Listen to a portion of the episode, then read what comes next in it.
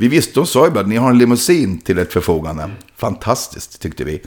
Eh, Tim och Harry gick väl kanske och la sig på nätterna ibland, men jag och Stix gjorde ju inte det. Utan vi gled ju runt i den där jävla limousinen i, i New York och drog ner till alla möjliga ställen, Greenwich Village och hängde och så vidare. Och väntade utanför, vi kommer sen, två timmar senare kommer vi ut fulla och så in i bilen där igen och hällde upp en grogg. Sen när vi åkte hem, då kom ju notan.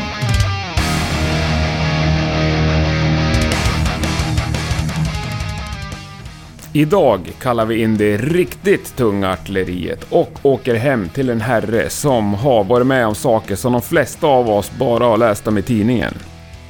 Han har under sin långa och minst sagt innehållsrika karriär figurerat under flera olika namn, så jag tänkte vi skulle börja med att låta honom presentera sig själv helt enkelt. Ja, idag, idag är jag ju tillbaka till där, där, där mamma och pappa startade tror jag. Eh, så mitt namn är Bosse Stagman. Eh, tidigare känd som eh, Sinny Sand då, eh, som var sångare i Easy Action. Shotgun Messiah, Sandclan och så vidare. Eh, tillbaka till Bosse Stagman då bara för att jag har gjort en svensk platta. Det är alltså Bosse Sinny Sands Dagman, eller Bosse Belsen för den som vill, som är gäst i det här avsnittet. Han har ruskigt många sköna historier att bjuda på, så jag kan inte annat än att rekommendera dig att fortsätta lyssna. Det här är avsnitt 35 av Rockpodden. Jag heter Henke Branneryd och jag önskar dig en god lyssning.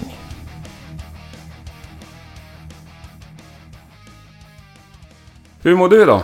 Eh, jo tack, jag mår bra. Det är fredag, solen skiner och ja, våren är väl här. Ja, det är helt fantastiskt. Ja, det betyder att man snart åker ut med hojen. Ja.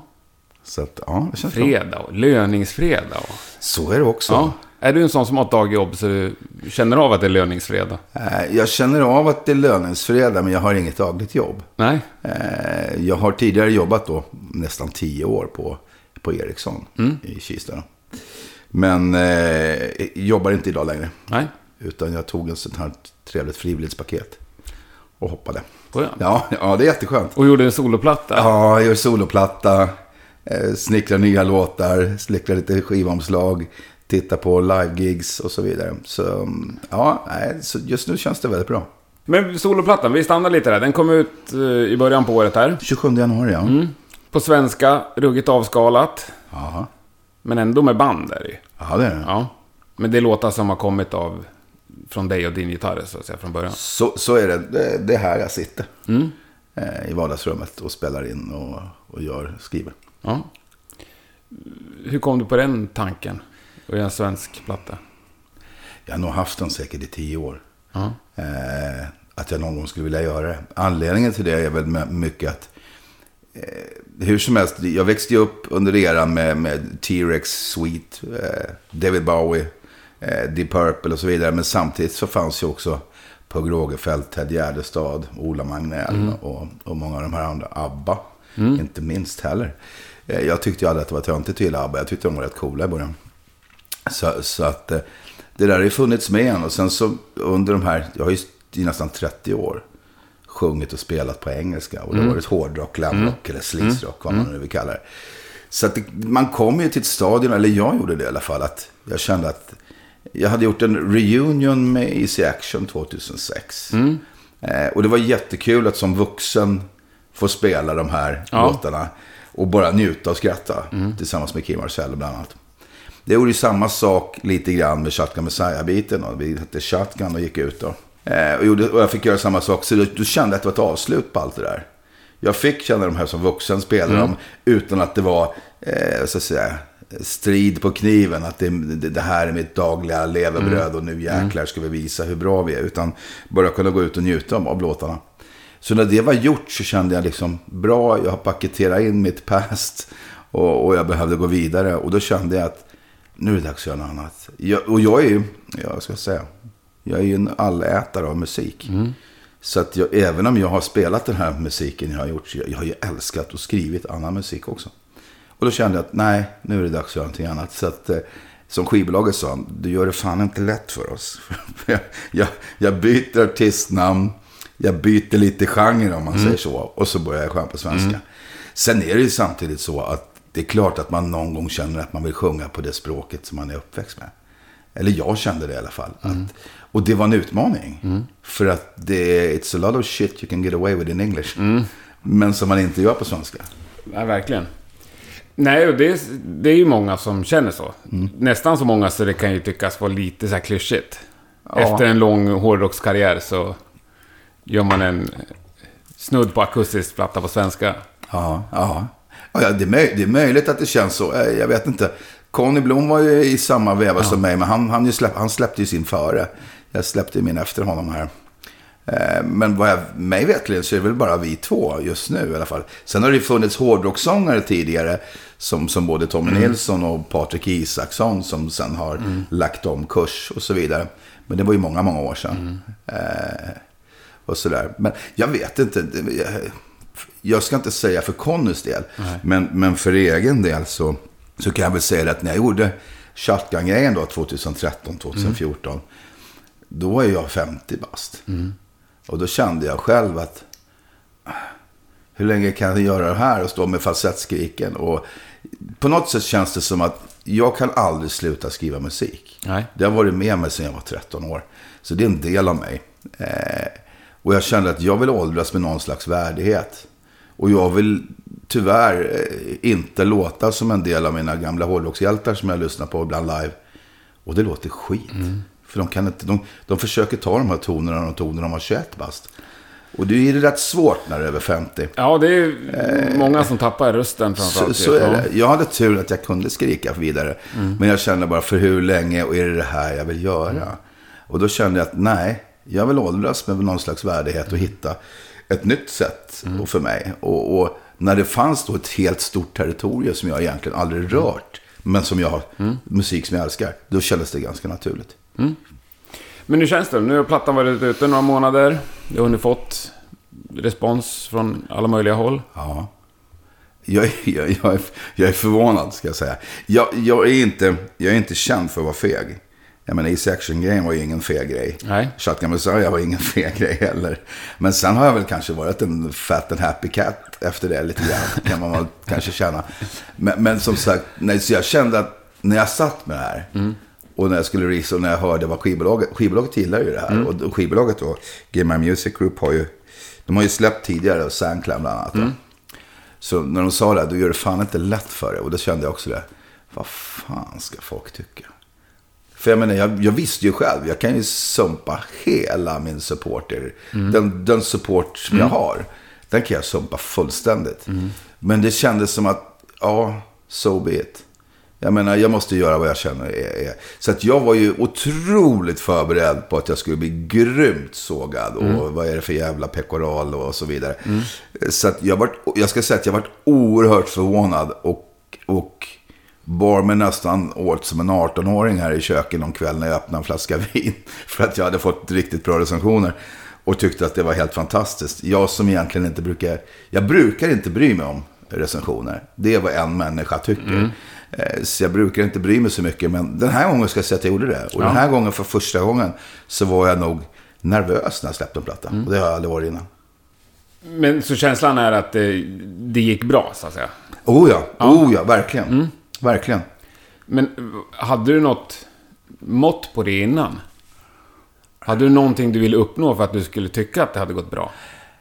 Nej, inte mer än känslan själv när jag, Ja. när jag hör vad jag åstadkommit tillsammans med Björn Höglund bland Ja. annat och några till musiker. När jag hörde själv att jag faktiskt satt och skrattade när jag lyssnade och kände att fan, det här är bra. Och sen vet man ju, jag har ju ingen aning om jag kunde göra det här på svenska. Och hur låter jag på svenska? Hittar jag mitt eget svenska språk? Det kanske låter konstigt, men Nej, du det- måste ju hitta ditt eget, svensk, ditt Ja, eget ja, ja, ja. slags uttrycksspråk. Va? Och jag var ju inte säker på om det skulle funka eller inte och så vidare. Så, så att jag måste säga att jag, var, jag har nog inte varit så här nöjd på väldigt många år när jag släppte en platta. Så, så att måttstocken för mig var att jag vet att oavsett hur mycket de sågar mig nu, för igen, jag var otroligt inställd på det. Så, så vet jag att jag har gjort precis så mycket, så bra jag kunnat och jag är nöjd. Och de runt omkring mig, i och med att jag fick ju en del hårdrocksmusiker med mig, eh, som faktiskt ville vara med på den här resan. Bra gäng. Ja, och vilket, jag, vilket också gjorde att jag fick ett bättre självförtroende för det här. Jag hade gjort det här ändå. Men när de här säger, fan det här är bra Sinnevi. Fan, man hoppar på. Eh, ja, the proof is in the pudding. Då, då är det någonting som finns substans i. Ja, ja. Jag hänger med. Produkten blev bra, den är skitnöjd med. Men om vi säger mottagandet. Ha- Hade du någon, något mål där? Eller har du något mål? Nej, nej, som sagt, jag, jag hade ju satt ribban rätt lågt. Att jag skulle bli sågad. Så att jag, hade, jag hade ingen mål, jag ska sälja det här eller jag ska... Utan jag kände bara att jag vill få ut den här så får folk ta det hur de vill. Men det är det här jag har i mig just nu. Det är Ja. det här jag känner. För det här är ju liksom både...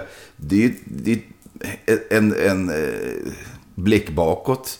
Det är mina tankar idag och vidare. Så att eh, jag ville bjuda på den biten och den, det blir ganska personligt. Eh, Så att för mig var det take it or leave it. Så, så att jag, jag hade inte satt något mål alls om jag ska vara ärlig. Nej. Eh, Utan jag, jag kände att jag behövde göra den här plattan. Sen fick den tas emot hur den ville och jag hade väl stålsatt mig på att det skulle inte bli så bra recensioner.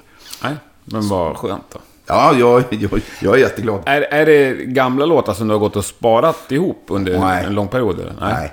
Eh, Jag tittade på sånt givetvis, i och med att Ja. jag har ju skrivit mycket annat. Eh, Men så kände jag det att, men, lugn. Jag menar, ska du göra det, ska du göra det som är nu. Ja. Så, så att jag startade med det här, jag tror första låten jag skrev, det var, det var kanske november 2015. För att jag var med i, eh, som statist i en av de här serierna som heter Innan vi dör, som går på tv. Eh, och eh, i och med att jag satt en natt och vi väntade på att vi skulle filma. Och så bara tyckte jag, fan innan vi dör, vilken fantastiskt bra titel. Så att jag kommer hem här två på natten tror jag, efter film, eller tre på morgonen. Och då gick jag ner och satt mig här och sen så skrev jag låten innan vi dör. Och så hörde jag av mig till bolaget sen och frågade om de... Men de hade redan eh, kontrakterat Niklas Frisk. Så att eh, det fick inte bli något annat där. Nej. Eh, och därför har jag heller inte släppt den på singel, vilket jag hade tänkt. Så det kanske jag kan göra nu när, när serien är över. För den, den ska ju på inget, även om jag är med som statist där, så, så får den ju inte förknippas så folk tror att den här är med i serien på något sätt. Nej.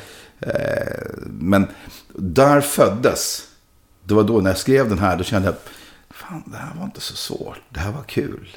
Och så i och med att det just var till en serie så, så släppte jag, vad ska man säga, de här barriärerna på att det ska låta Sinny eller... Ja, Okej, och sen när du skrev det, då hade du tanke om att det skulle hamna i serien? Ja, exakt. Ja. Eh, Och då kände jag, sen var det ju mina tankar på vad vill man liksom ha accomplished innan vi dör. Jo, jag fattar, men Och det så- blir men- bakom men- någon slags fasad ändå. Så, så, så, så är det. Men, men jag kände det, och då hade jag liksom satt igång det här. Då gick det inte att stoppa längre. Nej. Så efter det då, då, då satt jag. Ja, men det gick det ju fort. Snabbt Ja. jobbat. Ja, men det är det. Första singeln kom ut i november. Jag menar, vi hade det här klart i augusti, jag och Björn Höglund då, som är producent. Så vi hade det klart i augusti. Så att det gick ju på några månader. Så, så att det var ju så. Jag skrev ju åtminstone en låt i veckan, minst. Ja, det är bra. Eh, Men kör du någon live med, med Stagman? Ja, vi kommer väl förhoppningsvis göra det eh, mer. Jag gjorde ett releaseparty då, eh, två dagar innan eh, releasen, den 25. Och det är det gig vi har gjort hittills. Men det var med band? Ja, Ja. det var med band. Eh, och det kommer vi fortsätta, det kommer vi göra. Jag har ju just lagt ut nu då att jag söker eh, bokningsagent. Eh, så får man se var det hamnar. Eh, det är som sagt, det är, det är ingen lätt bransch idag. Nej, den branschen är också svår. Ja, ja det är det. Nej, men vad skönt. Är det något mer eh, vi kanske återkommer till nya plattan? Ja, Vi måste ju gräva lite i ditt fantastiska förflutna. Ja, ja. Vi börjar så här, eh, semilångt bak. För du har ju faktiskt levt eh, kanske under den mest glorifierade, i alla fall inom hårdrock, period. Ja vi, vi På hade- Sunset Strip med ett av liksom de större glamrockbanden när det var som allra störst. så är det. Ja, hur fan var det?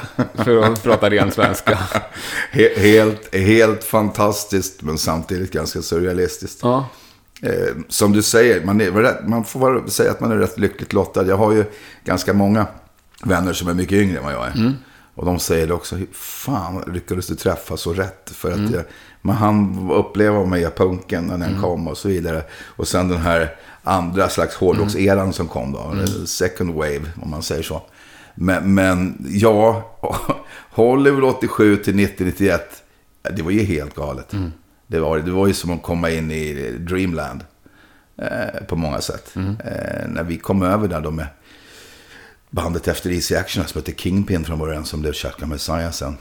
Eh, målet var ju att, att flytta till USA. Jag hade ju bott eh, i New York eh, tio månader innan, eh, efter Easy Action precis.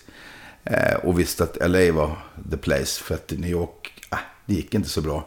Jag träffade Billy Idol där och han hade ju turen med Bill Coin Management. Och jag låg också på Bill Coin Management då, för det gjorde vi egentligen med Easy Action. Eh, så att de var ju trevliga, så de satte ihop mig då med Steve Stevens och Billy. Och, I och med att Billy är också eh, europé då, från England. Men det var ju sjukt mycket droger. och jag var ju där för att leta band. Eh, och sådär. Så att jag åkte hem efter tio månader. Jag kände att det här kommer inte fungera. Men sen så kom vi då med, med Chaka Messiah. Så att, eh, när jag träffade dem här i Sverige. Eh, Så att när vi kom, målet var ju direkt, vi måste över dit. Så ska vi ha ett skivkontrakt så ska de se till att vi får flytta över så, vi, kan, så vi kan slåss om de här platserna på samma villkor som alla andra band. De amerikanska banden om man säger så. Men var det... ja, ja, Du hade ju några år med Easy Action först i Sverige. Mm. Och sen blev det Kingpin som blev Shotgun Messiah. Och när flyttade ni till... Vi flyttade, jag var ju där 87, eh, början 87, 88. eh, Och försökte sälja in, för vi hade, gjorde ju plattan på Skara Sommarland. Eh, och då hade Bert Karlsson och eh, Lasse Holm och Torgny Söderberg just splittat. Bara det, det är helt Ja, fantastiskt. det är helt sjukt. Ja. Eh, Så att de frågade ja, vilka går ni? Går ni med Bert, går ni med Bert eller går ni med, med, med, med Torgny och Lasse? Så vi gick med Torgny och Lasse. Och bara att de här två var med på en sån här eh, hårdrocksgrej. Och, och, och Kingpin lät ju helt annorlunda. Ja. Det var ju inte alls som Alien eller någonting som, som var mer säljbart i Sverige om man säger så.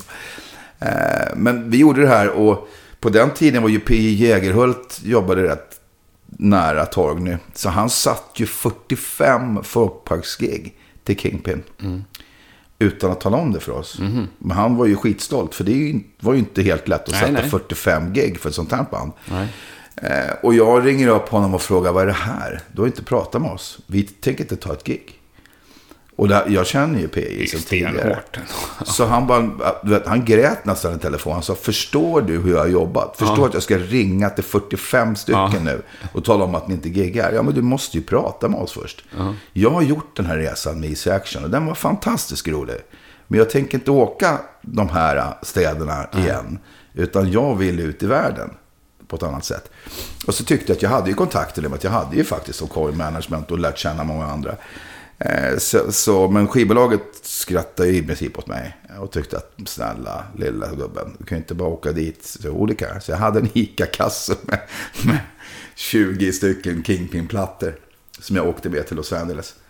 Eh, 14 dagar senare åkte jag därifrån. Då hade vi fem skivbolag som var intresserade. Så det, var rätt, det var rätt tid. Sen älsk, man får inte glömma att Amerika är ju fortfarande, och var ännu mer då kanske, de älskar ju en sån här loner som kommer. Jag kommer dit och ringer på och liksom, och de frågar, vad, vad, vem är din business manager? Jag har ingen. Vem skulle ha, nej men jag vill bara träffa A&R person. Jag vill ge honom fem minuter av hans tid. Jag kommer hela vägen från Sverige. Alla släppte in mig. För du vet, de älskar en sån här människa som inte är klok och som, som liksom bara, give me five minutes of your time. Och precis så tokig var jag. Jag trodde ju på det här. Eh, annars hade jag ju inte åkt. Eh, men de älskade ju det här. Så det var faktiskt en kväll då så hörde jag mig till Sam Jaffa, då, basisten i, i eh, forna Hanoi Rocks. Han spelade med ett band som heter Jetboy. Och vi eh, träffas på en mexikansk eh, restaurang och sitter där och dricker lite. Så sa han, fan du måste ha en business lawyer när du är här. Liksom. Och jag bara, men jag känner inga sådana. Jag, jag får väl ringa till Bill Coin Management och kolla. Men då så hade, då sa Sami rätt, nej men jag har, jag ska ringa och kolla åt det. Så dagen efter hade han fixat eh, det som sen blev vår business manager, Cody Coven Leventhal. De hade ju då hans polare och min gamla kompis Andy McCoy. Eh, Så det var så vi fick en business manager. Så det var Sam, eh, Sam Jaffa som hjälpte oss med det. Eh, Men, men som sagt, tiden där, den var ju, det, det var surrealistiskt. Det var helt, och fantastiskt kul. Men vilka, vilka var de stora glambanden då, när du gick där med din ICA-kasse? Och Poison, nej då... Jo då, Poison hade ju redan stulit We Go Rocking. Så, så de, de hade ju en topp 5-hit med den. Eh, så det var, det var Poison, det var Rat och det var de här, det var de mer Faster Pussycat, Cinderella, eh, hela det gänget. Sen var ju Halen-grabbarna, men de hade ju inget med glamrock att göra. Nej. Men de träff, David Lee Roth träffade ju allt som oftast. Han åkte ju skateboard lite varstans runt om. Märkligt. Och så rockstjärnan dyka upp på skateboard och säga hej och snacka en stund och sen dra vidare. Motley Crue då, självklart. Ja. Eh, som vi träffade på alla möjliga ställen. Guns N' Roses började, det är mer sleaze-stuket eller vad man ska säga då. Och där, Izzy hade jag träffat innan. Jag kände ju Izzy redan i New York innan han hade börjat med Guns N' Roses. Han åkte ju ner till LA för att hitta lyckan där, för han hittade ingenting i New York. Nej, okej. Eh, och sådär. Så att honom hade, kände jag sedan tidigare. Men det var ju hela det där gardet. Men det fanns liksom, det, det var, de var etablerade de där banden. Ja, de etablerade det. Oh ja. Så- Det är ändå ett monster liksom att slå sig in bland. Ja, det, det, det, visst var det så. Och, och det visste vi ju. Eh, samtidigt så kom ju vi, vad ska jag säga, när vi släppte eh, vår debutplatta då, Chaska Messiah-plattan i USA. Jag tror det var samma vecka som de släppte Aerosmiths Pump, eh, The Cults Sonic Temple. Och så var det någon till, jag kommer inte ihåg vilken de var, och så var det vi. Och jag var första gången jag skällde ut det amerikanska skivbolaget. För jag tyckte liksom att, give us a fucking break. S- Liksom, vad slåss med det här? Deras- alla ungdomars eh, månadspeng är ju slut när de handlade Cult och Aerosmith. Och, och så om det nu var, nu vet jag inte om det var Motley Crues, eh, Dr. Feelgood eller det något annat. Men, men det var någon sån här platta till som var, som var stor, va? Med ett stort band. Så vi kände jaha, och sen så Shotgun Messiah. Men de la ju ner pengar. Jag menar, vi hade ju, jag menar, märkligt att sitta och köra nedkabbat och se sig själv på stora billboards på Sunset Strip. Eh, det är en ganska märklig känsla. Men, men så var det. Likadant Tower Records var ju målat med Shotgun Messiah-grejer. Så skivbolaget la ju ner enorma pengar på reklam. Och vi började ju snurra på MTV ganska hårt också då. Med en av videorna och sådär. Så att vi slog oss igenom allt det här. Eh, men det var ju också det att vi... Sen satte de oss på en, på en jävla turnébuss. Och sen var det bara att åka och spela. På alla ställen som gick. Men vi märkte ju under den här tiden att... Från att det var ett hål i väggen för 150 till 200 pers. Så slutade det på liksom theaters för, för 2 500 eller stora dancehalls då i Texas. Eh, och sådär. Så att man såg ju hela tiden att, att det, det, bar frukt. Och vi såg oss själva på MTV, hörde oss själva på radio och så vidare. Men det, samtidigt så var det också, det var en till våg som kom. För vi kom ju samtidigt, vi, åk, vi åkte ut och kollade nya band när vi kom till LA. Och det var ju nya band och det var ju Skid Row.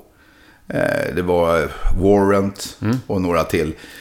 Som, de slog ju också igenom, de slog igenom hårdare än vad vi gjorde. Jag menar, Skid Row, där small det ju bara till. Bara, bara pang bom så var det klart. Så åkte inte de förbanden mer. Nej. Eh, så att, eh, nej men det var, det var en fantastiskt rolig tid. Och vi träff, man träffade ju alla de här. Vi, vi umgicks ju, vi var ju på samma ställen, vi var inbjudna på samma fester. Så, så att eh, det var väl kanske en annorlunda känsla. Jag menar, när jag hade, jag hade en takvåningsfest 4th of July.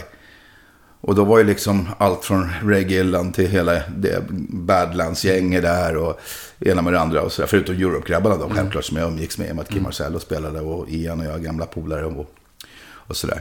Så att eh, det var ju en tid när man umgicks med alla de här musikerna, Def Leppard-grabbarna och så vidare. Ja. Ja, det är ju coolt att ha upplevt det där. Ja, Eller det jätte- borde det vara.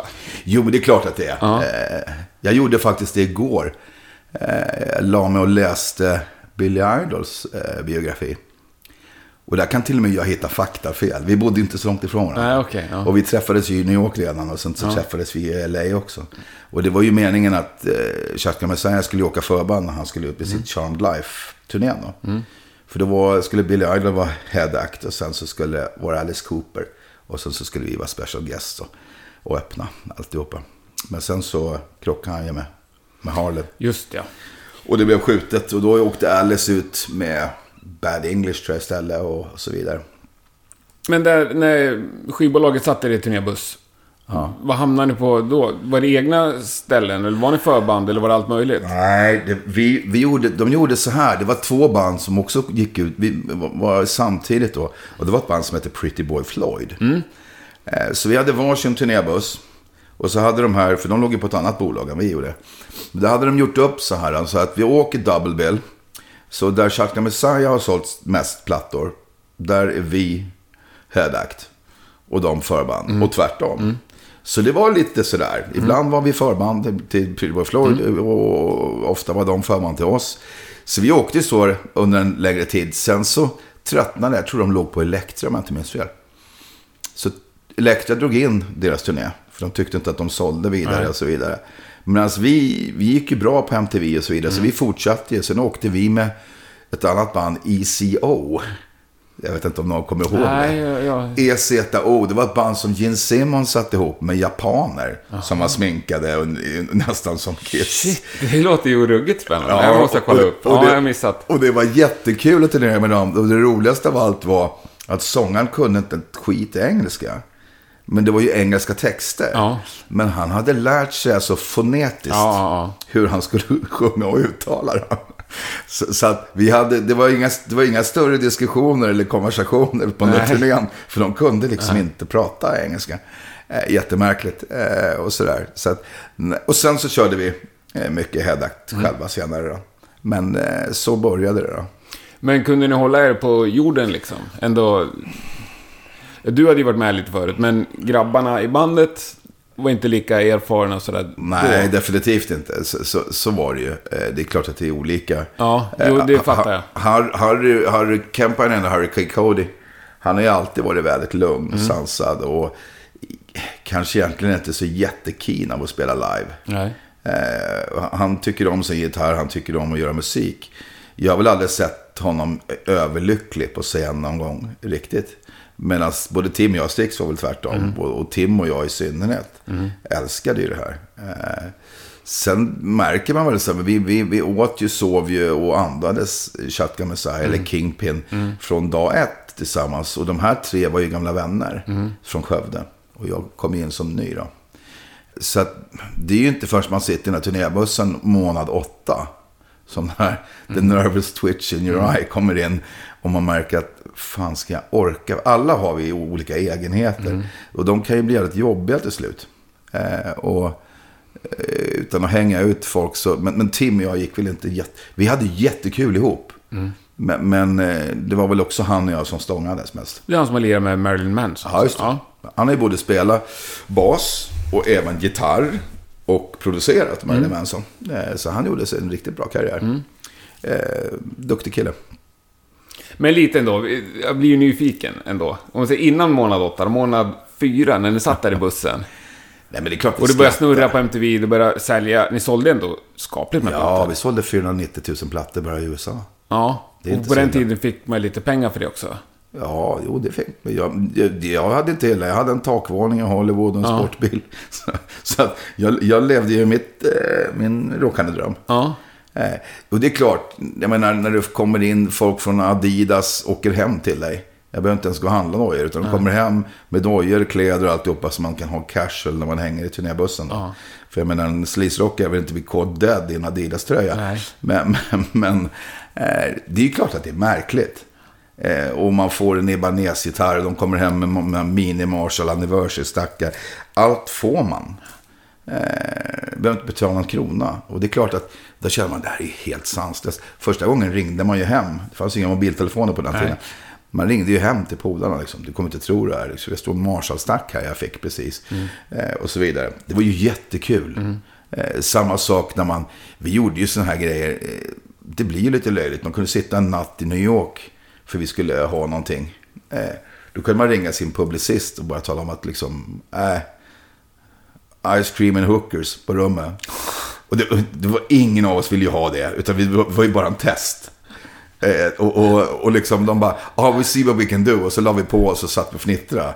Sen var vi, sen var det så här, nej men lugn, vi vill inte ha hookers. Nej men räcker med ice cream. Eh, men, men, ja, men Amerika var ju så, de tar ju hand om det sina.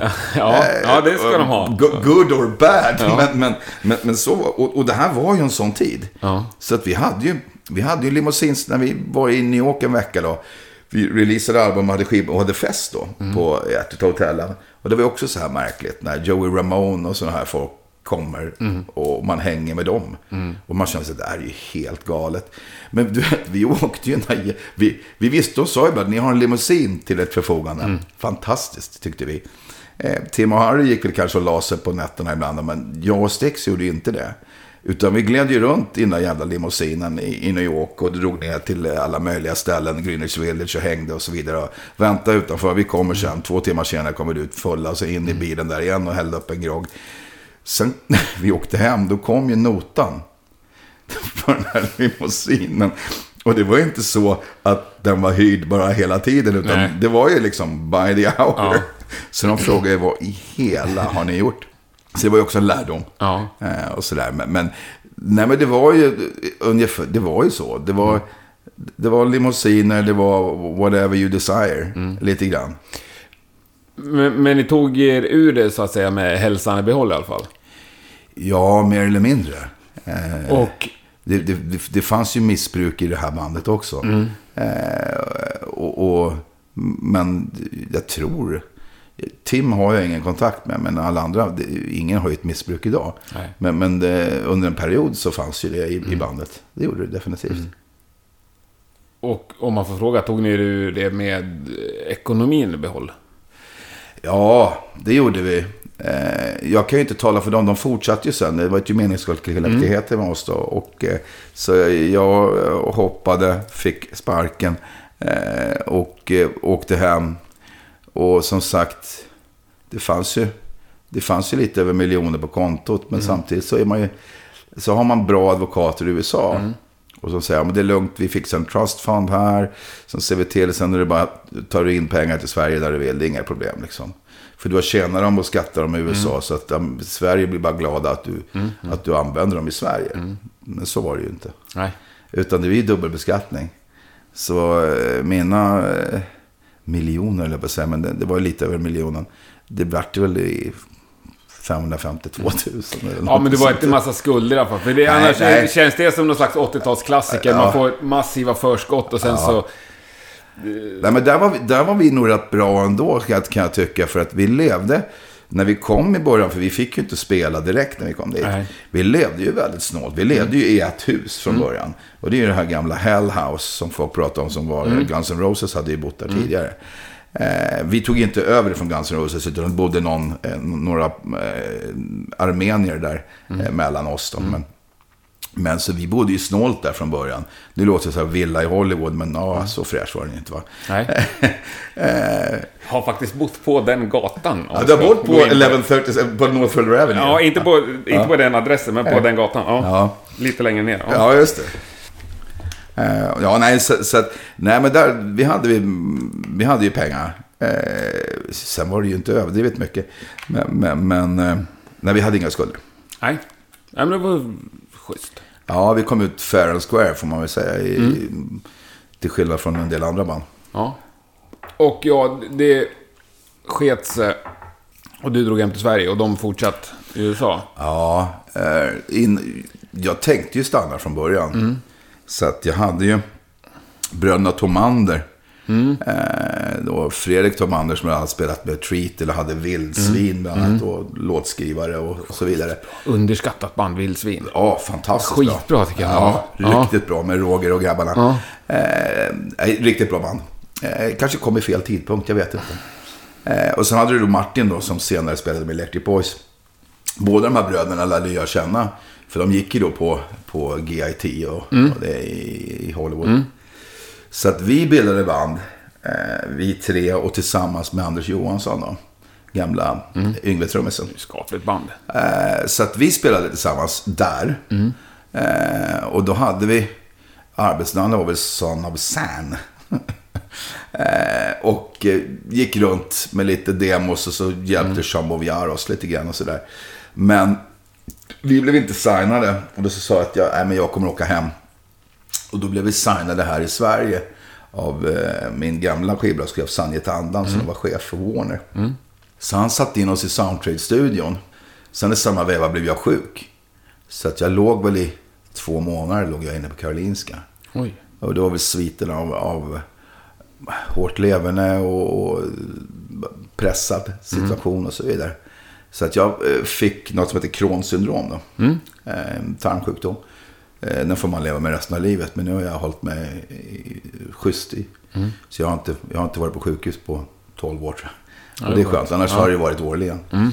Eh, Men så jag låg inne där och i samma veva så började vi prata då. Och- Och jag sa väl då, både Anders och jag kom fram till att det här kanske inte var riktigt den hårdrocken han skulle spela. Mm.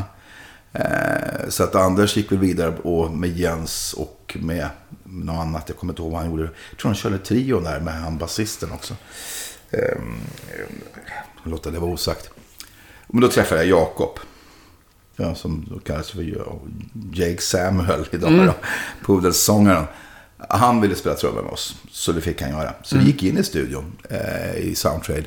Och han vill, han vill märksätta fem låtar tror jag på tejp. Med Ronny Lahti som producent.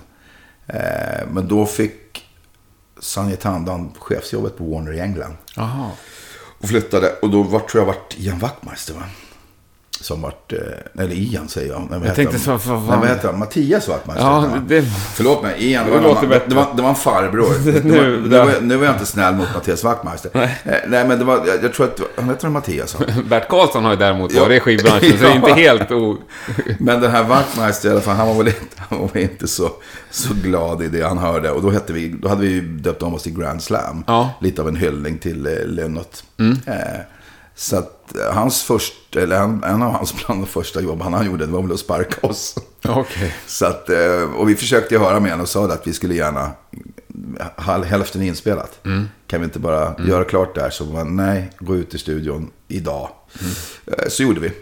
Och då var då de gick vidare. Då gick ju Martin till... Martin ringde mig och sa att han hade fått ett eh, anbud av Conny. Och jag sa ta det. Eh, och Fredrik gick vidare och, och Jakob gick också vidare och bildade sitt Jacqueline Hyde. Så de fem låtarna, det, de... Nej, de, de ligger här hemma. Ja. Och, och Fredrik, vi hade video också eh, som vi gjorde. Så det, det finns ju lite sådana grejer. Det är kul sån här skåpmat ibland när man har druckit två whisky för mycket hemma. Så man, jag ska kolla på lite gamla grejer. Men det är ingenting som någonsin kommer få släppas ut? Nej, det tror jag varken Martin, Jakob eller Fredrik eller jag vill. Utan det är här som vi kan titta på hemma och visa våra Ja. kompisar vid, vid, vid dåliga tillfällen. Ja. Men nu tycker jag vi backar lite ytterligare. Nu måste vi prata lite punk. Jaha. För även där var ju du en central figur i, i alla fall Stockholms punkliv på 70-talet, har jag förstått. Ja, central och central. Men jag, jag spelade i punkband och jag umgicks i de här kretsarna. Så var det, punken kom ju då, eller för mig, jag tror jag såg någonting på tv 76, tror jag, med Sex Pistols. Och vart helt tagen. Ehm, som sagt, jag växte ju upp med det här eh, Sweet David Bowie, det här som jag sa tidigare. Aerosmith var väl ett sånt här obskyrt band som kanske jag och två till gillade. Men inga andra sådär. Men sen när den här Pistols-grejen kom så det var sån fantastisk energi och attityder.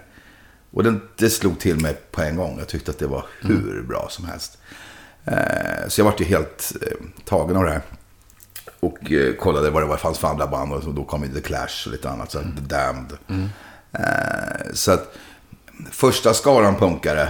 Eh, där, var ju, där var jag med. Jag vet inte om jag var ung då. Men, men, och sen började man titta, vad finns det? Sen bildades ju band. Och det fanns ju band både ute i Nacka och Rågsved och Skärholmen och så vidare. Eh, så där, och jag spelade ju trummor då. Så att jag blev väl kontaktad av ett band från Huddinge som hette Bells and Boys. Och som behövde trummis. Så då hoppade jag med där. Eh, och vi vart ju ett sånt där, vad ska man säga, kultband. Vi gjorde ju aldrig någon platta. Utan här var det ju, de stora då, det var ju liksom Ebba, Grisen skriker eh, och så vidare. Eh, så kom ju KSMB då också. Men vi var ju en av de här banden som, som hade ju givetvis hade The Pain och senare var det Alien Beat, Ow, Warheads, allt vad de hette. Många sådana svenska band. Eh, en del sjöng på engelska, andra på svenska. Vi sjöng på svenska med Bells and Boys. Fast jag var inte sångare utan jag var ju trummis då. Nej, så, vi, så jag var ju med den här perioden. Och det var ju också en otroligt intressant period. Fast då var det egentligen inte jag som var... Min, min dåvarande flickvän var ju den som hade mer eh, huvudakten i, i, i hemmet. Hon var sångerska i ett band som hette Usch. Och där trummisen där var tillsammans med trummisen i Ebba Grön. Gurra. Så att Usch, Dag Vag och Ebba spelade ganska ofta tillsammans. Så att jag var ju mer med som roddare där och sen så fick jag ibland stå längst fram eh, när Ebba spelar och hålla i Tåströms mixstativ. För det får ju så att han Mm. nästan slog ut tänderna hela tiden. Så att eh, det jobbade jag med ett tag. På deras Det är ett gig. skönt jobb, ja. Ja, och, men sen spelade jag på Oasen då med Mm. Belsen Boys med, i Rågsved då, eh, där man hängde. Och även sen i, i, i Skärholmen och Vårberg och ute i Norsborg Mm. där både KSMB och alla höll till. Då. Så att eh, Johan Johansson som man hade hälsat på eh, varje gång det var trumlektioner, helt plötsligt bara, fan där sitter han med KSMB. Så det var ju jättekul, verkligen. Ja, ni hade sa- samma trumlärare, du berättade för mig Ja, innan, innan vi slog på här. Ja. Ja, vi hade samma trumlärare han och jag. Yes. Och, och då heter du Bosse Belsen också. Ja, det, det blev smeknamnet på mig. Ja. ja, så är det. Tycker jag låter stenhårt. Bosse Belsen, ja. Och sen klev du vidare i Brilliant Boys. Ja, efter, efter, efter Belsen Boysen så, så, så bildade jag ett band som heter Alarm X. Eh, och som spelade runt. Och sen så med Alarm X så tog vi med ett band som hette Brilliant Boys. Och det slutade med att, eh, att jag började spela trummor där. Eh, men också att jag kände att jag började skriva mer och mer låtar. Och kände att fan, jag ska nog sjunga. Jag hade ingen sångröst för fem öre, men jag fick för mig att jag skulle göra det ändå. Så jag började sjunga sen i Brilliant Boys. Jag började som trummis, men, men slutade som sångare i det bandet. Då. Eh, så vi öppnade åt sådana här band som UK Subs, som var ett stort punkband. Eh, där spelade vi på Underground då, eh, i Stockholm, som det hette. Med, då var det hela han och Rox i publiken och allt annat sånt där. Så att mycket av de här punkgrejerna, jag menar Andy McCoy kommer ju från den eran han också. Vi kände ju varandra innan han och Rox och när han hade i Nymphomaniacs som jag själv också spelade lite trummor med och sådär. Så, så att, eh, nej så från Bells Boys till Brilliant Boys. Eh, och, och det var samma sak där. Vi gjorde ju också demotaper men fick inget skivkontrakt. Det snubblade på mållinjen eh, igen liksom. Så att, men, men punktiden var ju fantastisk. Ja, det måste ju varit coolt att vara med i det där, kan jag tänka. Ja, oh ja. Det, det, som, det som jag kan tycka är skönt, som sagt, jag, jag växte ju upp då i en förort som heter Vårberg, då, Vårberg och Skärholmen. Och, och det fanns, Vårberg hade ett inomhuscentrum, det var bland det första som fanns i Stockholm. Nu låter ju det stort, men det var ju ett jävligt litet centrum. Och det var, men, men eh, det var ju det här, folk hängde där, man gjorde, folk gjorde ingenting. Och rökte lite brass och lyssnade på Nationalteatern, det var vad folk höll på med. Och jag hade ingen lust med det där alls. Så vi var ju några stycken, och sen blev vi fler i det här punkgänget. Eh, och en del var entusiastiska och ville se banden. Andra bildade band. Och vi bildade liksom eh, föreningar för att kunna få pengar. Eh, och sådana här saker, musikföreningar. Och sen så hjälpte de här fansen, eller fansen, de som ville höra punkmusik. De hjälpte ju till. De var ju med och bar alla förstärkare. De var ju både publik, roadies och, och scenbyggare. Och allt möjligt. Och det var... Det var ju den här grejen och eh, det var, det var det som var roligt. Vi hade liksom fantastiskt kul tillsammans. Men vi fick göra det själva. Vi gjorde ju våra egna, det fanns ju inga riktiga ordentliga affischer. Nej. Vi gjorde ju några stenciler som vi fick gå och sätta upp överallt. Men det, det kan man ju se så här efteråt. Det var ganska roligt när jag jobbade på Ericsson under en period där som så de hade visade hur bra det hade gått för folk som var punkare. Och de tyckte, att det, var, de tyckte det var ganska märkligt. Och jag tyckte inte riktigt det. För vi, vi har varit lite sån här, hitta dina egna vägar och, och gör det själv. Och vänta inte på andra, för det är ingen som kommer, det är ingen som kommer komma och säga, åh gud vilken trevlig och rolig grabb du är, dig ska jag fixa och ordna för. Utan du, jag menar, du är tvungen att sälja in dig själv på ett eller annat sätt. Och jag tror att vi var ganska duktiga på det, många av oss i, i, den, i den åldern. Faktiskt. Så att jag, jag ser ju punkttiden, när, när folk pratar om det här, det, som sagt, visst det var arbetslöshet och det var ena med det andra, det var slagsmål med raggare. Det var även senare slagsmål med gringos då, som de kallas, en del från förorten och Fittja, Tensta, Rinkeby. Jag bodde ju i Rinkeby under en period sen också. Men, men jag ser det mest som en, en fantastiskt rolig tid där man liksom gick på festivaler, gig, gjorde saker tillsammans och hade, hade kul. Och sen var det just den här biten att det var sån det var en sån härlig brokig samling. För det kom ju folk från, punkare var ju både från Lidingö, Kungsängen, Skärholmen, Rinkeby och i, i alla samhällsklasser och ena med det andra. Så det var ju, vi kom ju från helt olika, men vi hittade varandra i allt det här liksom. Och det, det tycker jag var kul. Intressant. Kan jag tänka mig. Ja, och sen... Brilliant Boys där fick ju ett ruskigt tragiskt slut va? Ja, Men återigen, han hamnar liksom mitt i, i händelsernas centrum. Ja, på något sätt så, så är det ju så. Det, och det du syftar på här, det är ju det här punkmordet då. Exakt. Med Johnny som var våran gitarrist som då eh, som jag säger, utförde det här punkmordet. Eh, det var en otroligt tragisk händelse. Och det var ju så att när, när Johnny sen blev dömd eh, och när han väl kom ut sen när vi skulle fortsätta, det gick ju inte. Nej. För det var ju liksom folk som skulle stå och skrika punkmördare och ena med den andra och sådär. Och det var ja, det är så svårt när man ser tillbaka som vuxen på det där. Eh, Dels var ju Johnny den sista jag trodde skulle göra en sån här sak. Eh, För han var ju världens snällaste person. Eh, Och, men sen så samtidigt så kan man ju då tycka att vad fick de för hjälp på den här tiden? Jag är lite förvånad över det nu så här efteråt när man reflekterar. För han, han fick ju sex månader på, eh, på ungdomsfängelse då. Eh, och sen var han släppt. Jag kan ju förstå att andra sidan där, när, när, när Roger som, han, som gick bort, då, hans närmaste började undra, men ha, och sex månader senare ska de här ut och spela. Eh, Jag kan förstå att de blir förbannade. Eh, Men samtidigt så kan jag ju se efteråt, Jonny fick ju ingen psykologisk hjälp efteråt. Och jag förstår så fick ju inte Rogers bror, Thomas tror jag han hette, han fick ju inte heller det. Och det fanns inget, det skyddsnätet fanns inte då. Ibland så kunde vi träffa Jonny och han tittade ut genom ett fönster och satt och grät bara. Eh, Så, så att, att han senare eh, hamnade i, gick ner sig kanske med, i droger och, och, och annat. Eh, Det är ju inte så konstigt. Han levde nog med de där demonerna. Nej, Staffan Hildebrand gjorde väl en film om det där. Ja, just det. Men sen tycker jag att den här P3-dokumentären för något år sedan Ja, var riktigt bra. ja, ja men jag tyckte Och det är också också... Ja, man får ju verkligen klart för sig att det bara finns förlorare. Och en det. snudd på bara offer också, även om... Ja, är tragisk händelse. Ja, verkligen. Hur uppmärksammad var den då, så att säga? Ja, den var ju otroligt uppmärksammad. För det var ju, det, det var ju två aspekter här. Dels så var det ju punkare eh, som var en hyfsat ny företeelse. Det hade ju gått ett par år nu. Men, men fortfarande så förstod ju inte gemene man punkare, vad är det för folk? Va? Och sen när de här mystiska människorna som ser ut som de gör. Och så är det ett mord med en kniv en fredagkväll eh, mitt i stan. Det var ju väldigt ovanligt. Ja. Eh, Alltså det hände ju inte. Överhuvudtaget. Och då vart det ju, vad är det för gäng? Och det är en gängmentalitet. Och det, så det blåstes ju upp. Och sen så var det ju då punken som stod för någonting. Och så den här killen var från Lidingö. Så du vet, alla de här... Det var ju godis för journalister. Här- det, alla de här aspekterna fanns ju. Va? Eh, Så att det blev ju väldigt uppblåst. Och sen just att man kallade det för punkmordet. Eh, så, så senare så var det ju så att det var ju... Man kunde sitta på tunnelbanan och bli nästan spottad på av äldre människor. För man var en mördare, för att man, man tillhörde det här gänget. De förstod ju inte kanske att det var en musikrörelse, för alla förstod ju inte de här bitarna. Eh, och i och med att det blev så uppmärksammat, för det vart det. Så det var ju, under en period så var det ju rätt tufft. Eh, och särskilt när man hade varit med i det här bandet och var eh, Johnnys vän.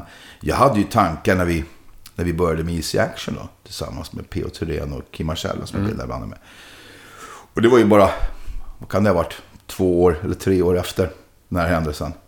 Då kände jag också att, hoppas ingenting pajar det här nu. Eh, och att det kommer upp sådana här saker. Det gjorde det faktiskt inte. Eh, vilket var skönt. Men, men jag var faktiskt orolig över det. För jag, det, det var inte så kul. Nej, det här kan jag gick runt. verkligen tänka mig.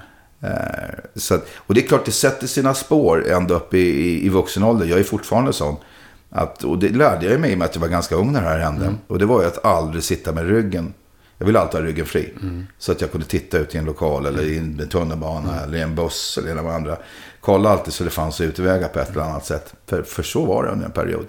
Och det har man lärt sig. Det har man lärt sig i vuxen ålder efteråt också. Att det, det är så man fungerar lite grann. Jobbig erfarenhet att behöva Ja, jo men det är det. Och, och, och, och, och sen, sen... Nu var ju Johnny så snäll och jag var väl mer att jag kunde ta för mig sådär. Men oavsett, i den där åldern och sen så se, se en som en god vän. För han var, ex, han var extremt snäll. Eh, att se honom må så dåligt och egentligen inte kunna hjälpa. Det, den, är, den är rätt tuff. Och hur gammal var du själv? Eh, 16 eller 17. Jag tror att jag var 16. Så att, eh, men igen, när sådana här saker händer i ung ålder och man ser de här bitarna. Och, och i och med att det var så pass uppmärksammat som det var. Så var det ju väldigt, det var ju tufft. Ja, usch. Nej, då går vi vidare till någonting lättsammare. Yes. Din långa och sjukt innehållsrika karriär. Vad är du mest stolt över? Ja, det sa du karriär, annars skulle jag sagt mina barn. De är jag absolut mest stolt över. Men karriären, det där är så svårt. Jag menar, att, få göra sin första skiva, mm. det var en oerhörd grej för mig mm. själv. Det här låter ju jättemärkligt, men jag satt alltså och tittade på den här skivan när jag kom hem och det var Easy Action. Mm. Och bara, fan, nu har vi gjort det här. Nu har vi äntligen släppt en skiva. Den var ju fantastisk. Eh, samma sak när det gäller Chatka Messiah. Att få det här över till USA. Mm. Och man kunde sitta där en kväll i, i bubbelkoppen på takvåningen i Hollywood. Och så skulle man bara sitta och så bara... vänta, här sitter jag.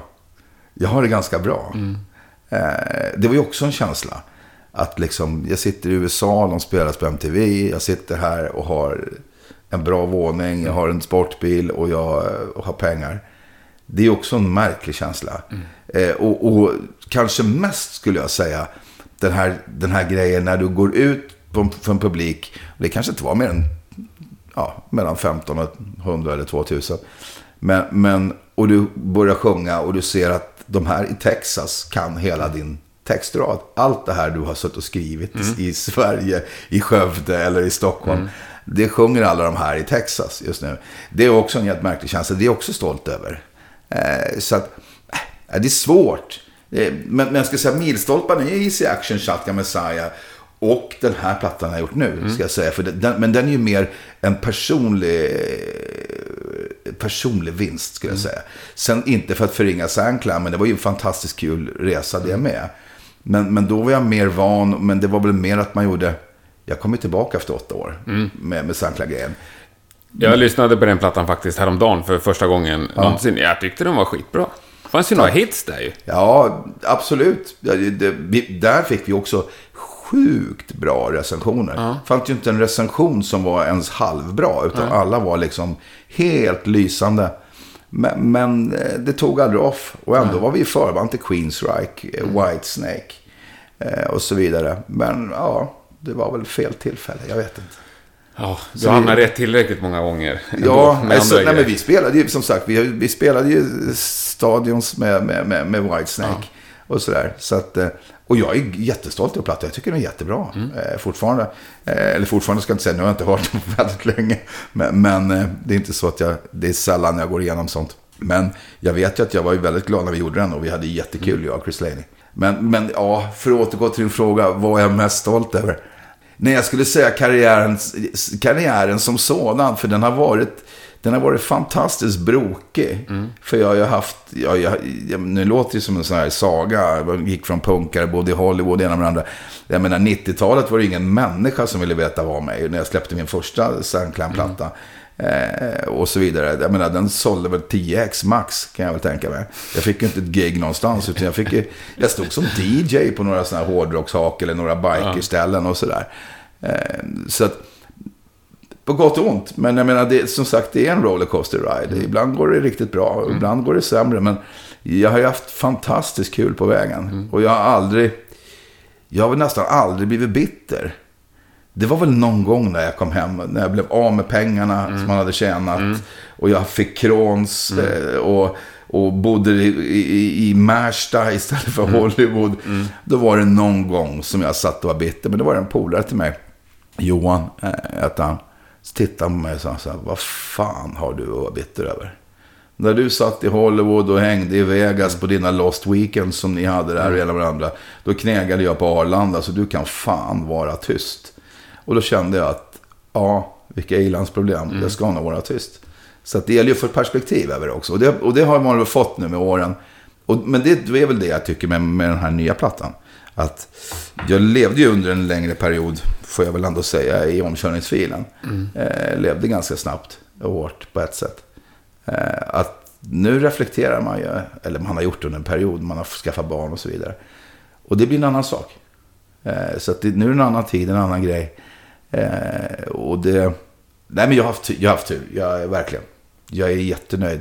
Så jag, jag, kan inte säga vad som är den bästa med karriären. Första skivan är fantastisk. Första eh, Bo i USA fantastiskt.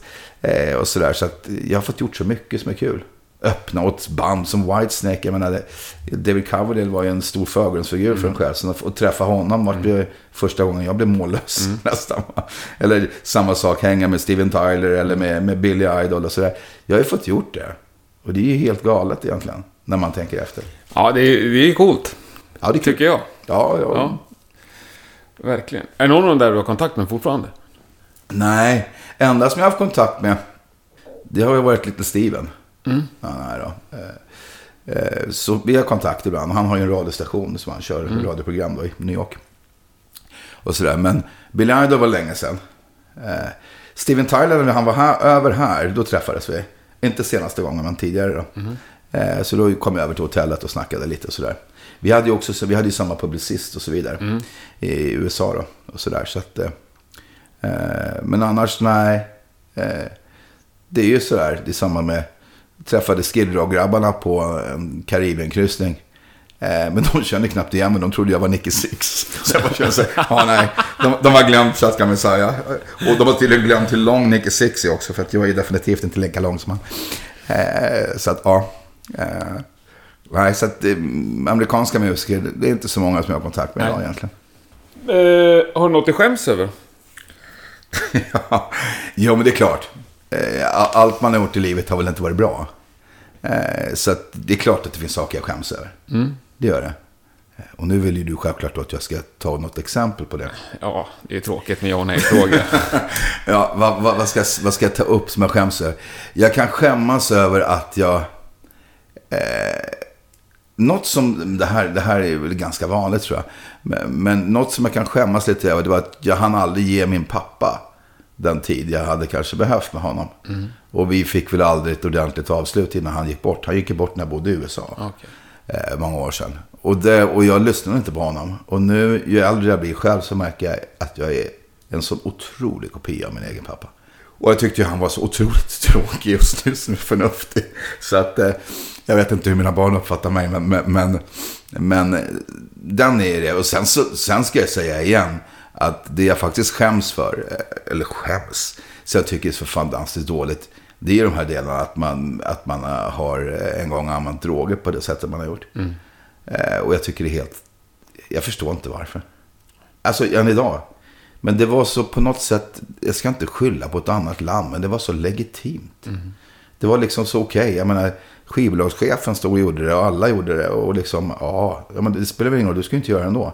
Och det kan jag tänka nu som förälder och ena med det andra, att liksom, vad höll du på med? Det kunde lätt ha gått, det, jag har ju varit nära, jag har ju åkt in på sjukhus för och så vidare i USA. Eh, så, så att det skäms jag för. Eh, för att jag tycker det är så jävla billigt. Att, att, eh, jag menar, jag ser mig som en hyfsat normalbegåvad människa. Och, och, och liksom hamna i rockmyten. För det gjorde jag under en period. Det ska jag, det ska jag absolut inte sticka under stol med. Och det tycker jag är rätt pinsamt. Ja, samtidigt är ja, det är klart inte så coolt med droger, men själva rockmyten och framförallt det där, i den där epoken. Så fin, det finns ju någonting mytomspunnet och coolt med det, så här i efterhand. Ja. Ja, Men det kanske bara är jag som tycker det. Nej, det, det- är säkert jättemånga som tycker det.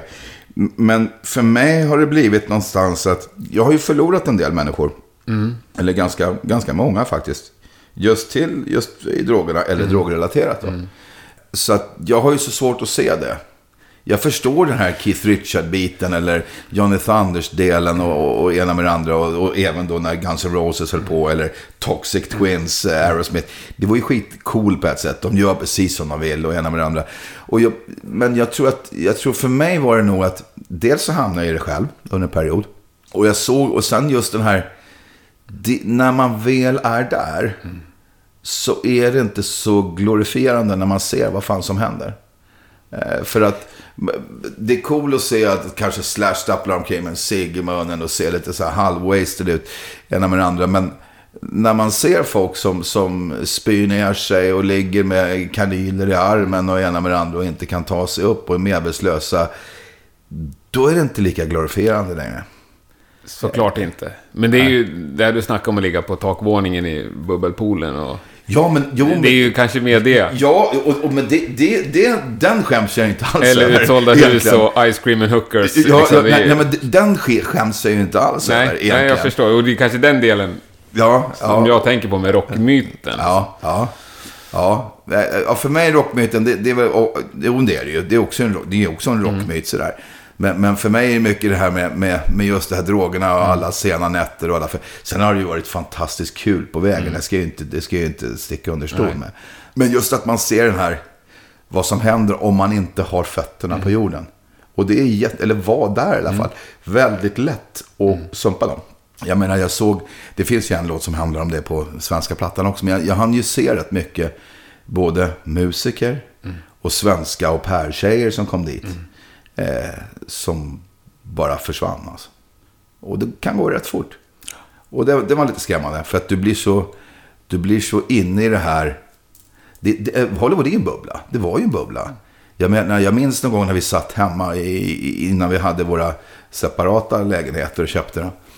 Då satt vi och, och, och man visste precis vad, vad, vad Sylvester Stallone tjänade på sin nästa film. Eller, eller Arnold Schwarzenegger i Terminator och vad det nu kunde varit för någonting. Och så vidare. Och sen så här, by the way, så var det någon jävla mur som rasade i, i Europa. Och vi bara tittade, men fan det är Berlinmuren.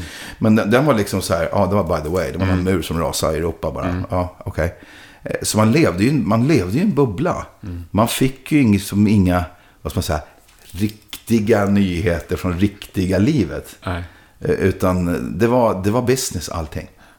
Du bör, jag menar, jag kunde vara hemma en kväll och det kunde, och kunde ringas. Bara, ja, ni måste till den här öppningen. Eller det, nej, men jag vet, du måste synas där. Du har free drinks, du har det och det. Vi, vi skickar en bil, ner där, du måste synas. Det var ju så det fungerade. Allting var ju liksom, där ska du synas, där ska du finnas. Eh, Prince ska dit och dit och dit. Eh, åk dit, eh, du har biljetter eh, och så vidare. Eh, så det var ju mycket så. Kul under en period. Fast det blir, ju, det blir ju väldigt ytligt. Det det, Men hann det ikapp dig medans du var där? Att du någon gång... Ja, men det, det, gjorde det. För man gick ju på en del nitar samtidigt. För att det var ju så här också att, att alla älskar någon som är successful i Amerika. Och när du inte är successful, då vill ju ingen befatta sig med dig. För då kan man ju förknippas med någon som är unsuccessful. Ja. Eh, Så då försvinner de ju ganska fort. Eh, Och det där lärde man sig på ett eller annat sätt. Så, så, så att under perioden där så lärde jag mig att, att all den här vänskapen, förstå att den är ganska ytlig. Att så länge du vet det, att ingen av de här kommer verkligen stå upp för dig när det brinner. Eh, så länge du vet det, njut av dem. Men, men liksom, låt inte luras för många gånger. För det var ju några gånger som man märkte att helt plötsligt slutade telefonen ringa. Och, eller så var det ingen som svarade när man ringde. Oavsett när man ringde. Så, så att, och på det, sättet, eh, på det sättet är det tufft. Och, och har det då varit, oftast så är det ju så att rockmusiker eller popmusiker, och så vidare, de är ju ganska unga. För det är ju det är unga fräscha folk man vill ha. Eh, och det är ju ganska få förunnat att få en väldigt lång karriär. Så att, att kanske bli jättekänd och poppis från 17 år, sen när du är 21 så är du slut. Och ingen tar dina samtal längre. Det är en rätt hård knäck för en Ja. 21-åring. Och som har blivit omhuldad och fått allting. Och alla är your best friend.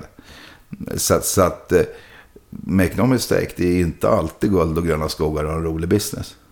Och det har man ju lärt sig under åren såklart. Jo men fan, du var inne här på filmer och, och, och pröjs. Ni gjorde ju också någon skräckfilm med Easy Action. Åh, nu, apropå skämmas. ja, Vad bra, vad bra att du tog upp den tråden. Den glömde jag. Var Ja. det någonting du skäms över? Berätta vad lite. bra att du tog upp den.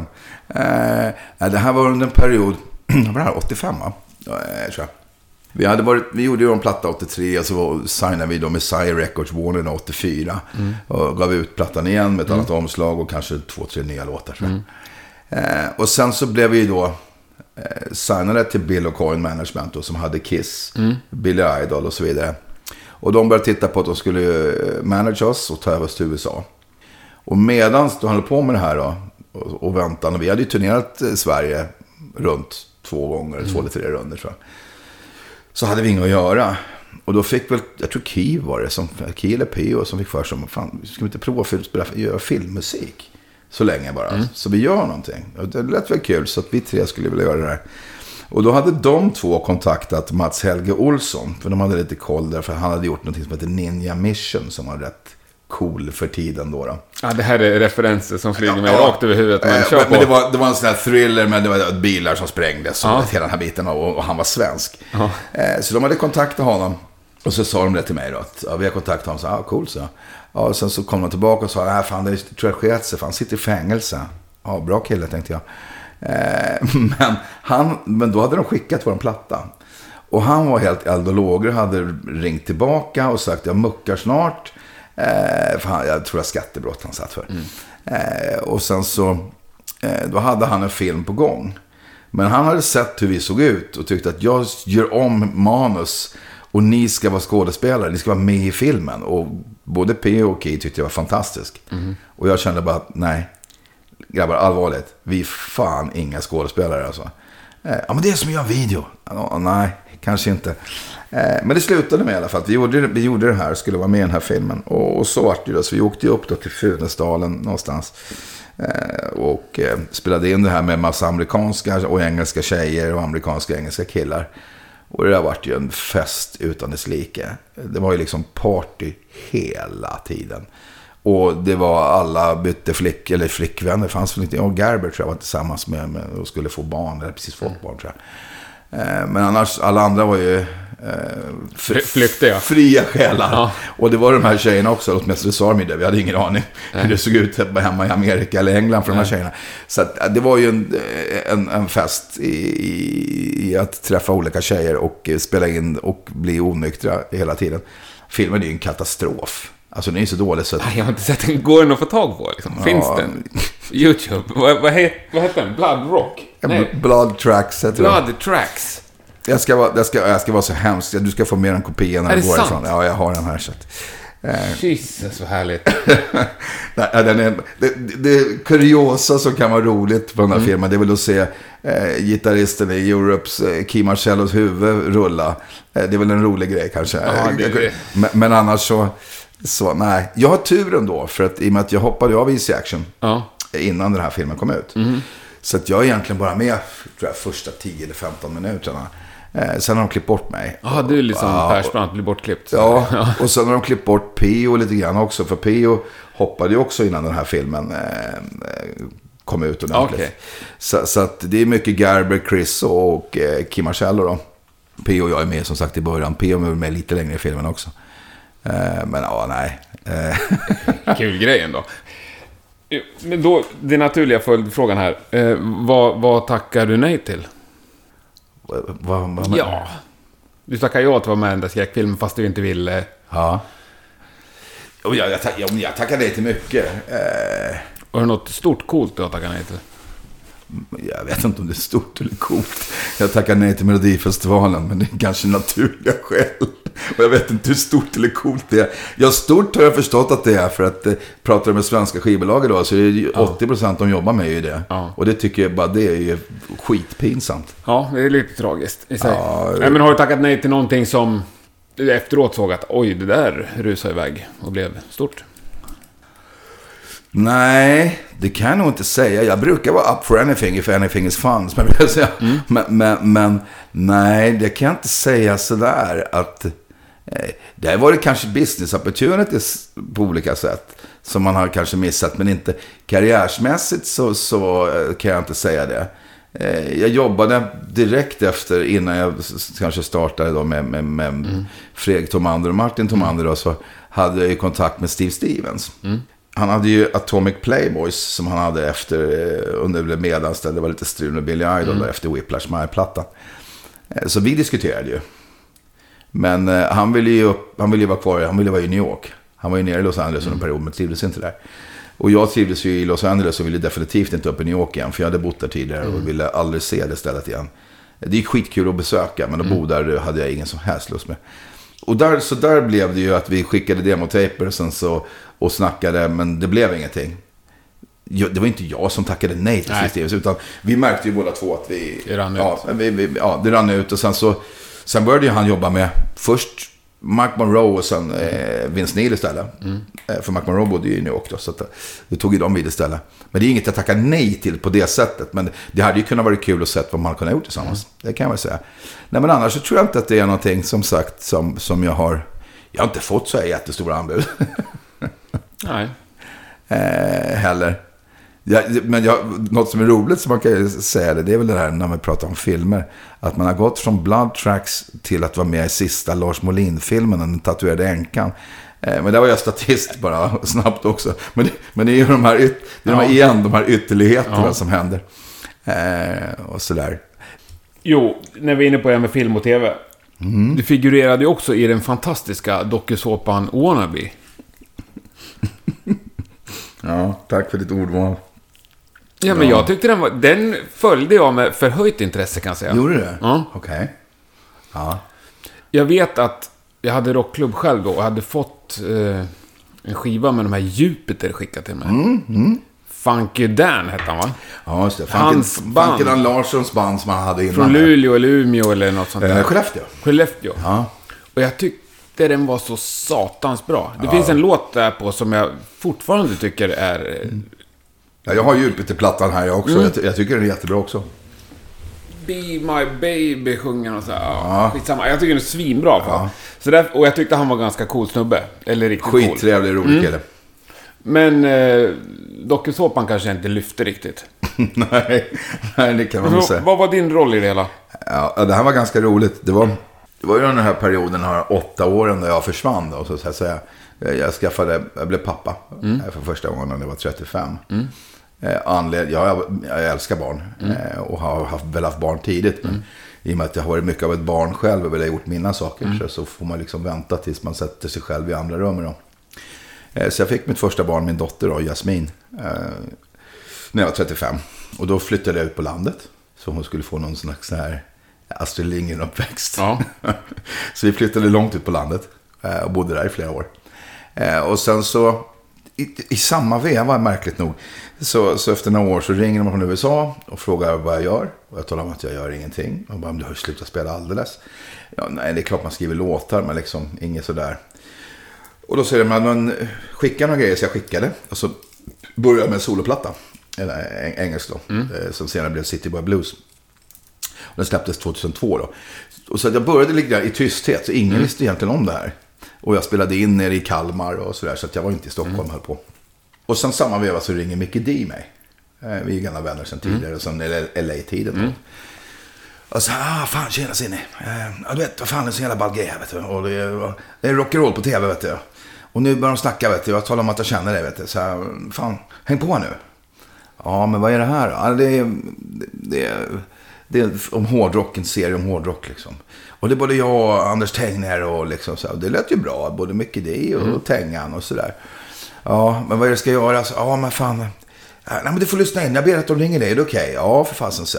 Ja, då får de snacka med dig. Och så ringer då TV3. Och ju mer jag lyssnar, ju mer jag känner bara nej. För då talar de om då att, att det här som lät bra då när Micke D förklarade det här för mig först. Eh, då var det då att de skulle ha auditions och ena med det andra och så skulle de sätta ihop ett band. Och sen så skulle man åka upp med det och tänkte det här kan ju bli precis vad fan som helst. Och så kände jag så här, ja men det här känns ju boybandaktigt och så pratar ni hårdrock. Så. För det var hårdrock de pratade om då. Nu vart det ju inte, Tremalänk var väl inte direkt hårdrock, det kan jag inte kalla det. Nej. Eh, Det var väl mer någon Jag slags... kommer faktiskt inte ihåg hur det lät, men... Ja, men det, det lät ju lite så här nu metal eller vad det Ja. kallas det på den tiden. Eh, och jag tänkte så här, men hårdrocksband bildas inte på det där sättet och det har noll kredibilitet. Så jag tackade nej. Eh, och sen så Det tar- tackar du nej då? Ja, ja där tackade jag nej. Ja. Men- Går, ja, precis. Lik men, förbannat. Så går en vecka eller två, så ringer de igen. Och säger de, och då blir man ju smickrad då, för de säger att när vi pratar med i princip alla i rockbranschen. Och de säger, ska ni ha en turnéledare, då ska ni ha Cinny. För han har varit med sen förut genom varandra och det kan vara en rolig jävel och hej och. Nu tog jag inte, nu tog jag inte karaktären som en rolig jävel i den här serien. Utan jag tyckte att de skulle få skina själva och höll, mig ganska, höll en ganska låg profil och försökte bara ge dem goda råd. Mitt i allt den här sörjan som jag kan förklara sen. Men så de talade om att alla säger att det är du och en av den andra. Så, att, ja, så jag tackar nej i alla fall. Eh, och de säger, finns det inget sätt vi kan ändra på det här? Nej, nej, men jag, det låter inte seriöst, så jag. Och när kommer det hårdrock och, och, och den här rockbiten, då vill jag att det ska vara seriöst i tv. Och då ringer Nicke mig och frågar mig ett helt dum i huvudet. Han bara, fan kom igen. Du har ju soloplatta på gång liksom. Det kan ju inte bli bättre. Du får ju tv-tid varje jävla lördag. Och så vidare och andra. Och, och hemma så sa de också, för jag, jag hade ju min dotter då, hon var väl tre år tror jag. Eller något sånt där. Nej men åk, gör det här då. Jag tänkte, nej, men så tänkte jag så här, vänta, jag ska dra i mig en sån jävla summa så de inte hajar. Och sen ska jag ha veckolön för att jag är, för att jag är turnéledare också. Så när de ringde igen då, så pratade jag med dem och lyssnade in igen. Så sa jag så här, ja, ja jag kan säga så här, det känns sådär det här, så jag. Men visst, får jag då, och så, så talade jag om vad jag ville ha för klumpsumma, så talade jag om att jag ville ha en veckolön. Väldigt tyst. Ja, nej men det kan vi tyvärr inte ge. Nej men det är ju det det kostar så. så för att, eh, alltså så ser det ut sen jag och min dotter och de andra. Så att, igen, det är ni som ringer mig. Och det här är tredje gången ni ringer. Så att, ja men vi får tacka i alla fall för, ja, ja men tack själv. Och sen så, två dagar senare ringer de. Kom in, provfilma. Och då kände jag, vad fan har jag gjort? Nu kan jag ju inte backa. Nej. För de säger ja. Och jag bara tänkte, är de inte kloka? Så jag åker in provfilma, de är jätteglada. Och på den vägen var det då. Eh, sen fick jag ju lära mig mycket där. Jag menar, där har jag varit ganska hyfsat naiv, får jag väl säga. Dokusåpor fanns ju innan det här. Fast det var väl en hyfsat nytt. Eh, Det hade väl kunnat funnits i några år. Så att jag, och jag har inte tittat på dokusåpor, jag har aldrig intresserat mig riktigt. Men jag insåg ju ganska snabbt här att de har ju liksom castat folk för att de ska kollidera.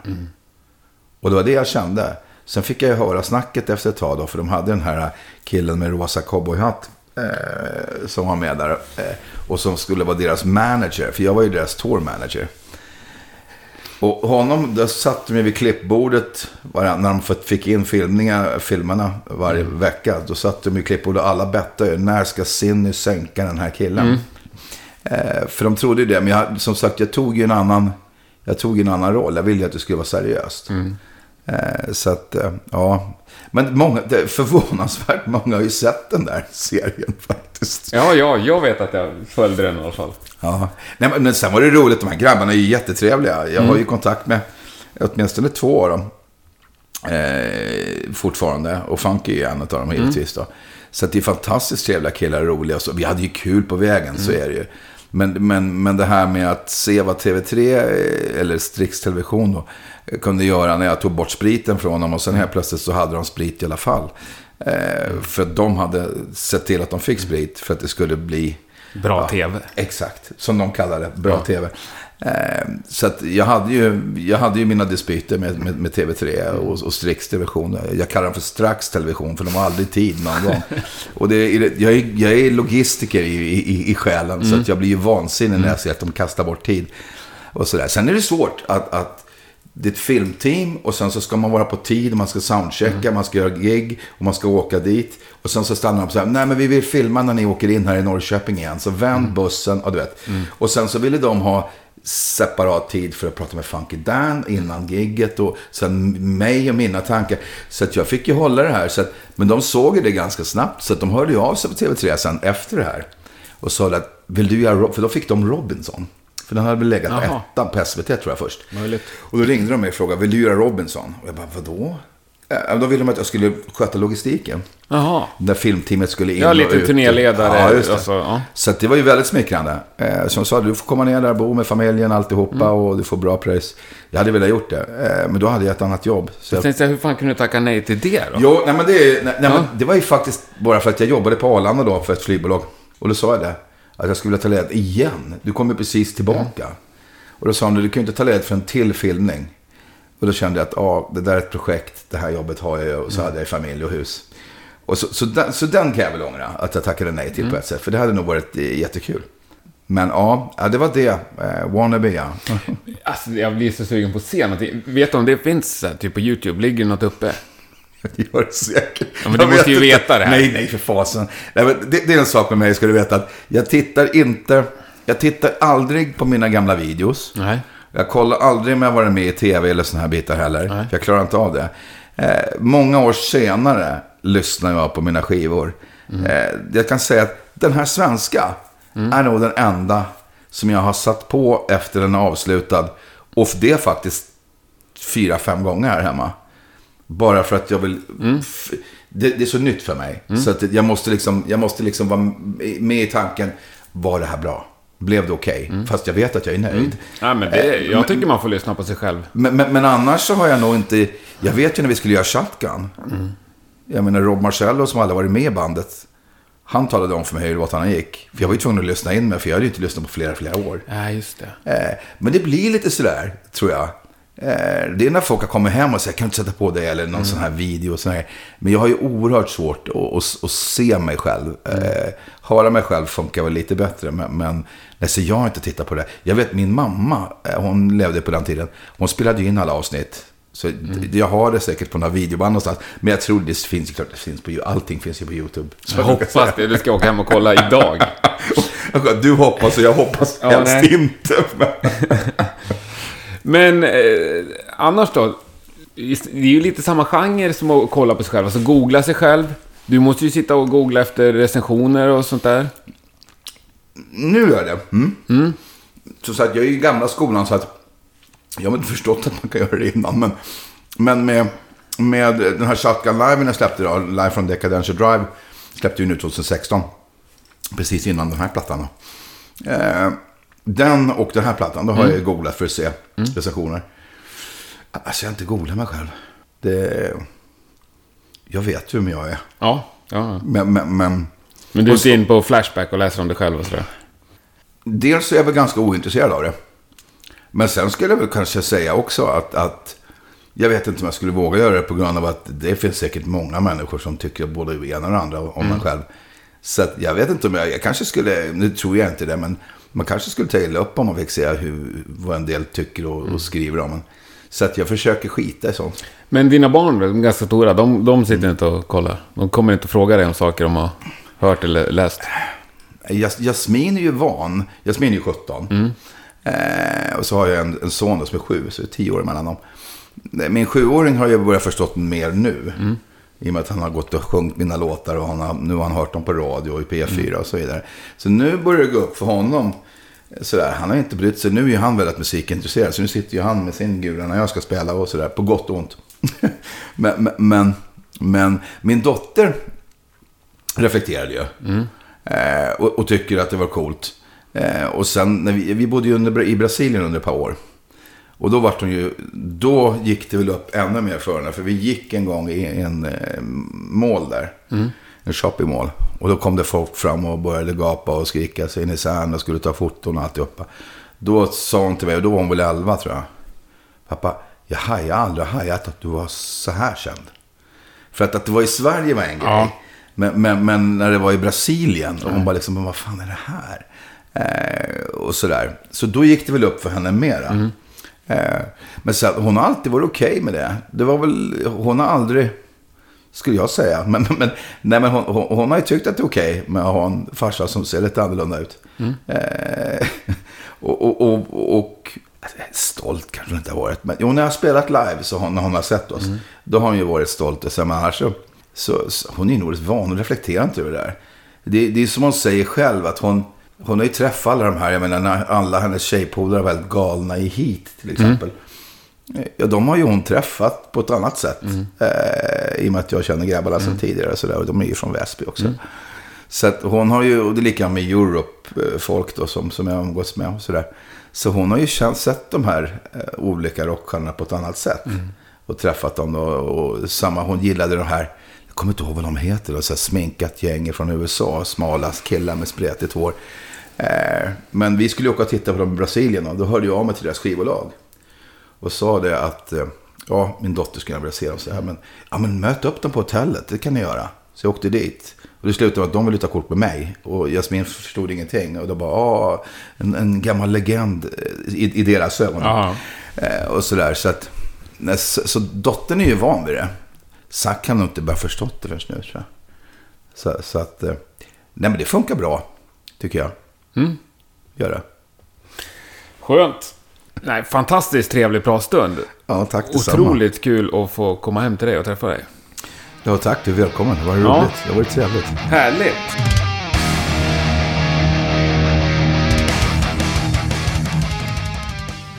Nej, längre än sådär blir det faktiskt inte. Även om jag och Bosse satt kvar och snackade säkert ett par timmar till efter mikrofonerna var avstängda. Oerhört eh, rolig stund hade jag i alla fall. Följ gärna Rockpodden på Facebook, Twitter och Instagram. Vi heter Rockpodden kort och gott på alla ställen. Och vi blir fantastiskt glada för all typ av eh, lyssnarkontakt. Nästa vecka är vi tillbaks med en gäst som just nu är stekhet. Lyssna gärna då igen. Ha det så gott så hörs vi. Tack och hej.